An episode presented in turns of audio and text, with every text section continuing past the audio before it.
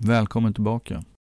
Eftersom jag inte intervjuat någon astrofysiker eller något sånt som ställer större krav på mig så kommer nu ett helt nytt glänsande avsnitt mycket tidigare än vad vi är vana vid när det gäller den här podcasten. Eh, som vanligt så kan du stödja podcasten om du går in på patreon.com kidvhs. Eh, jag är jättetacksam. Det jag gör med pengarna som jag får in där är ju att jag köper böcker, litteratur, utrustning och material för att stödja podcasten på olika sätt. Jag vill börja dagens avsnitt med ett litet mysterium. Om man vet hur långt det är mellan en stjärna och en planet och hur fort planeten rör sig kan man räkna ut stjärnans massa och planetens massa. För att göra det använder man Newtons lag om gravitation som publicerades 1686, väldigt länge sedan. Den här formeln är inte superkrånglig, men i och med att vi vet avståndet mellan jorden och solen och att det tar ett år för jorden att färdas runt solen. Jag vet att jag går händelserna i förväg. Hur kan vi veta avståndet mellan jorden och solen till att börja med? Med trigonometri och lite klurigheter. Man använder sig av de andra planeterna och hur de rör sig på himlen för att räkna ut vinklar och avstånd som hjälper en att räkna ut avståndet mellan jorden och solen. Cassini gjorde det här 1672, så jag antar att det är etablerad förkunskap. Om en läskunnig italienare kunde göra det här för 400 år sedan så borde vi klara av det nu, eller hur? Vi behöver inte göra det för att någon har redan räknat ut det här. Nåväl.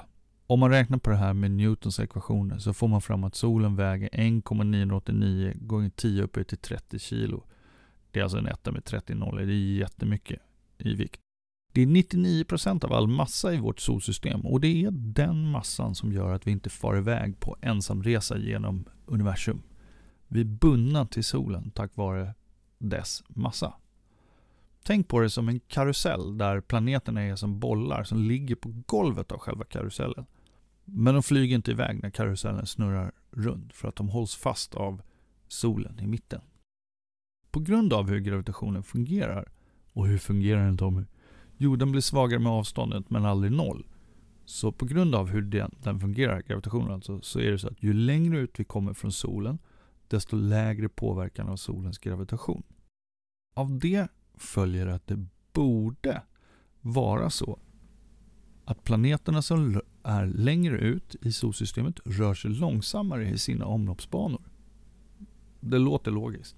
Om man sedan studerar planeternas banor och gör en så kallad rotationskurva för dem så ser man att det här stämmer. Merkurius rör sig snabbast runt solen och Uranus rör sig långsammast. Merkurius är närmast solen och Uranus är längst bort. Hoppas jag. Jag hoppas att det inte är Neptunus. De här två planeterna blandar jag ihop hela tiden nämligen. Men jag är ganska säker på att det är Uranus som är längst bort. Och till skillnad från hur jag brukar göra så tänker jag alltså inte slå upp det här nu. Så på grund av gravitationen hålls planeterna kvar av den där massan, solen, i mitten, som alltså väger jättemycket.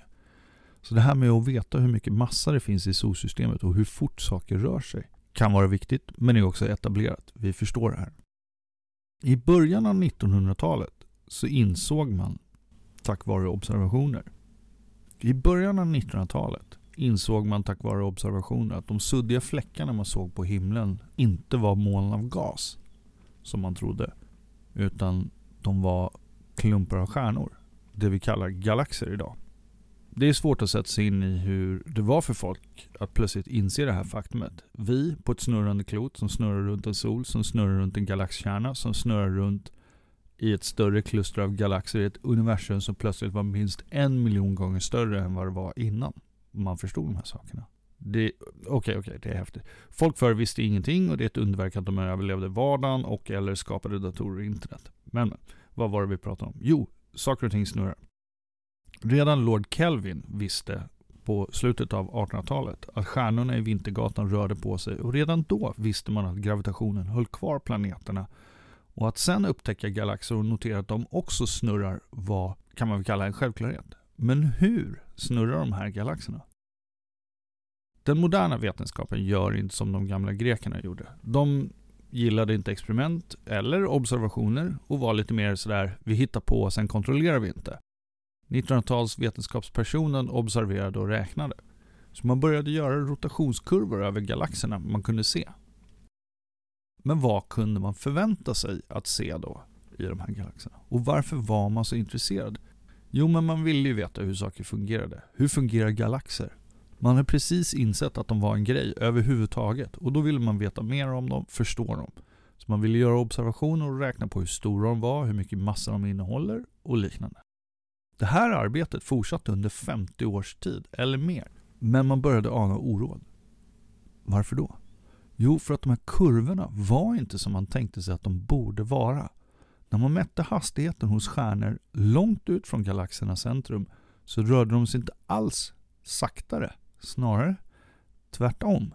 Det är som om man skulle notera att Uranus snurrade runt solen i samma hastighet som jorden. Minst sagt oväntat. Och det var inte bara stjärnorna i galaxer. Man kunde också se samma fenomen påverka hela kluster av galaxer, eller hopar av galaxer, där galaxerna i sig snurrade fortare runt varandra än vad som kunde förklaras av deras massa. De här beräkningarna kunde man definitivt bekräfta och ta fasta på när 1970-talet rullade runt. Då visste man, utan tvekan, att stjärnorna i ytterkanten av galaxerna snurrade för fort, inom citationstecken. Vad var det som försiggick egentligen här? I korthet kan man säga att den hastighet som stjärnorna i galaxerna rörde sig med motsvarar att de innehåller fem gånger mer massa än vad vi kan se. Men vi ser ju bara stjärnorna. Jag menar, det kan ju vara något annat. Det kan ju vara planeter, grus, gas och liknande. Eller kan det? Kan det det? Kom ihåg vad jag sa i början om vårt solsystem. Vårt solsystem så är 99% av all massa koncentrerad till solen. Och det gäller ju för i princip alla andra stjärnsystem också. Det här kan vi bekräfta idag för att vi har observerat planeter. Men det är viktigt att komma ihåg att Jupiter som är en groteskt stor planet ryms inne i Eh, den här 1% av solsystemets massa som inte är solen. Så 99% av vårt solsystems massa är solen. Och så kommer det se ut generellt på grund av hur gravitation fungerar så suger stjärnan när den bildar åt sig mer material än allt annat. Planeterna bildas av det som blir över. Så vi kan nog räkna med att de flesta stjärnsystem ser ut så att 99% av massan är solen. Och de där 1% som det kan röra sig om då som skulle vara något extra kan inte förklara gravitationseffekten av någonting som är fem gånger så stort. Den endaste procent som finns i planeterna blir försumbar. Eh, det kan heller inte vara gas för att eh, man kan eh, tänka sig att liksom galaxer skulle vara fyllda av stora moln av gas som vi inte kan se. Men gas eh, träffas av ljus och då hettas gasen upp och börjar lysa i sig. Det är det som gör att vi kan se sådana här nebulosor och liknande. Det är helt enkelt strålning som träffar, träffar gasen och gasen i sig ger ifrån sig strålning. Så om det var det skulle vi se det. Stjärnorna i våra galaxer när jag säger våra, då menar jag hela universum, snurrar så snabbt att någonting måste finnas där i dem. Annars skulle de slita sönder fullständigt. De skulle inte kunna existera. Stjärnorna skulle bara fara iväg ut i universum och inga galaxer skulle finnas kvar. Så vad är det vi pratar om? Vad är det i galaxerna?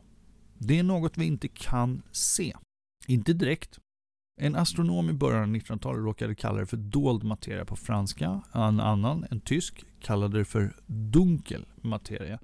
Eller mörk kanske man kan kalla det. Mörk materia är svaret på observationerna vi gör, men det säger inte så mycket. Vi borde egentligen kalla det för dold materia som den här fransmannen eh, föreslog. Alltså materia vi inte kan uppfatta. Materia för att det påverkas av gravitation och har liksom massa. Men dold för att vi inte kan se den. För den, eh, den struntar i elektromagnetisk strålning. Alltså ljus. Det här är alltså något i universum som består av något vi inte vet vad det är. Och det finns fem gånger mer av det än allt annat. Alla atomer, molekyler, stjärnor, kvarkar.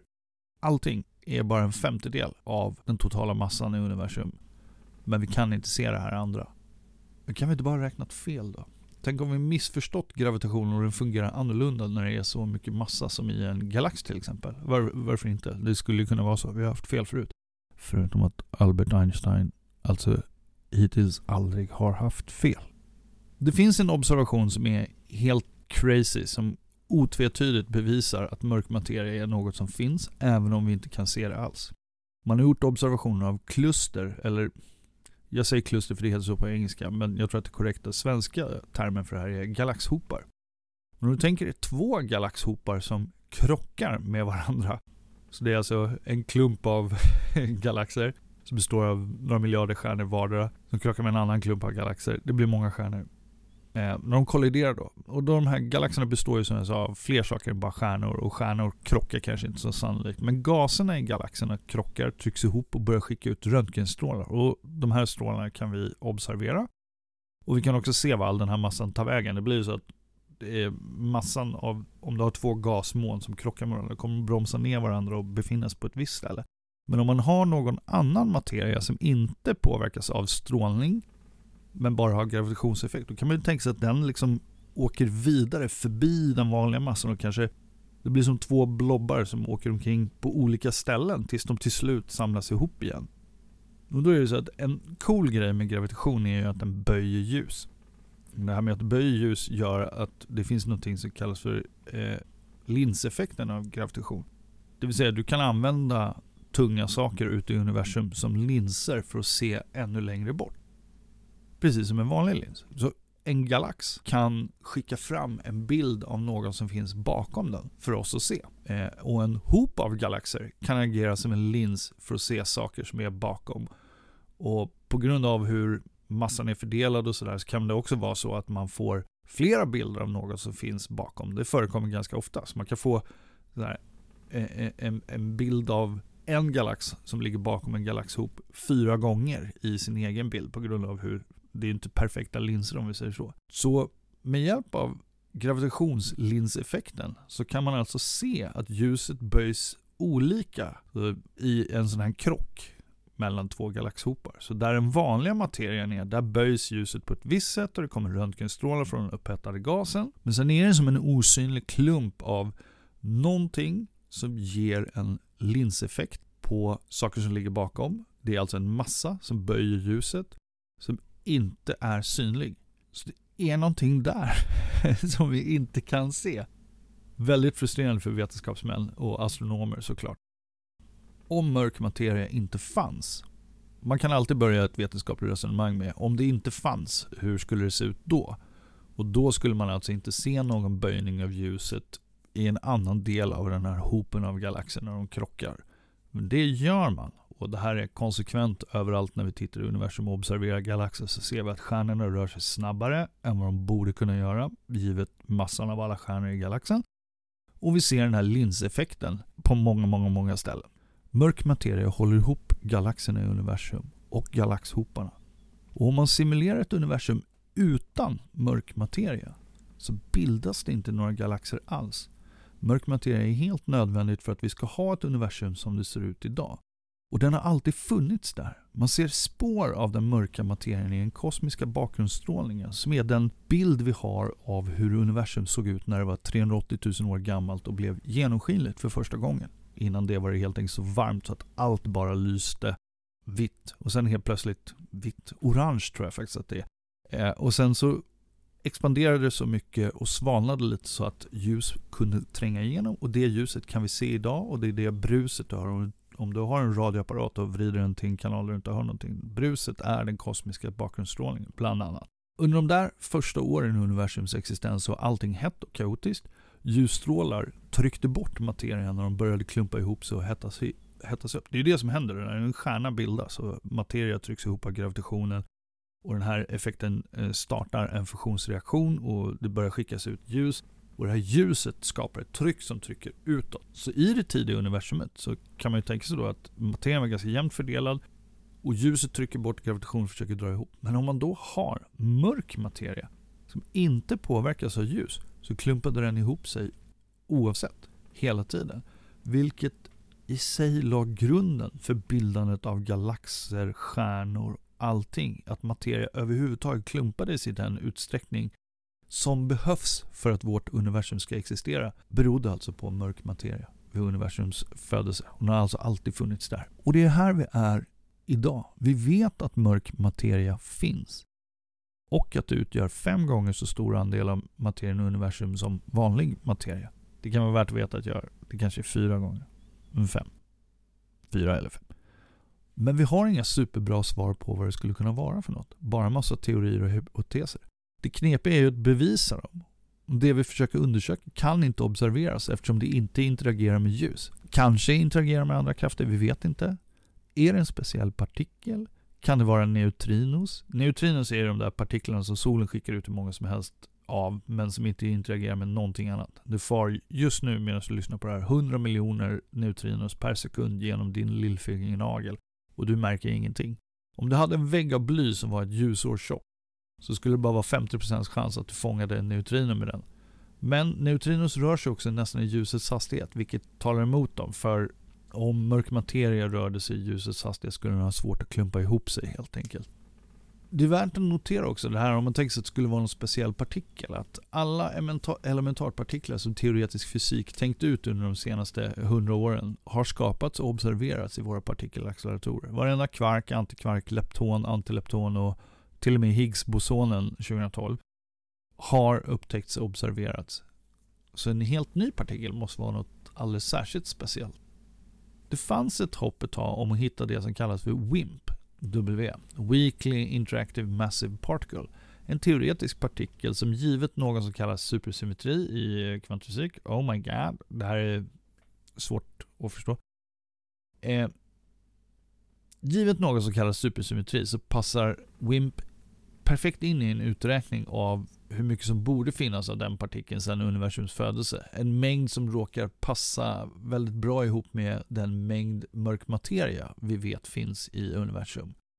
Utan att gå in på för mycket svårförståeliga detaljer verkar som de flesta experiment som utförs för att bevisa antingen att supersymmetri finns och eller att den här partikeln finns har kammat noll. Man försöker ändra förutsättningarna för experimenten hela tiden för att få något resultat som är användbart, men man lyckas inte. Vad betyder egentligen allt det här då för dig? Inte speciellt mycket alls. Eller förstås allt. Utan mörk materia skulle vi inte finnas och exakt noll podcasts skulle produceras där ute i världen. Mörk materia representerar det som är så coolt med vetenskap. Ett observerbart fenomen som ingen lyckats knäcka nöten på. Klura på du, kära lyssnare, för det är en sak som är garanterad för den som löser gåtan. Ett Nobelpris. Och det var det jag hade att säga om mörk materia idag. Eh, I andra nyheter hade jag bara tänkt nämna att nu är det 12 dagar tills uppskjutningen av James Webb-teleskopet och jag kanske tänkte faktiskt livestreama. Men är det någon som vill se min ångest när raketen exploderar på startplattan? Jag vet inte. Hur som helst, tack för att du har lyssnat och eh, ha en härlig december.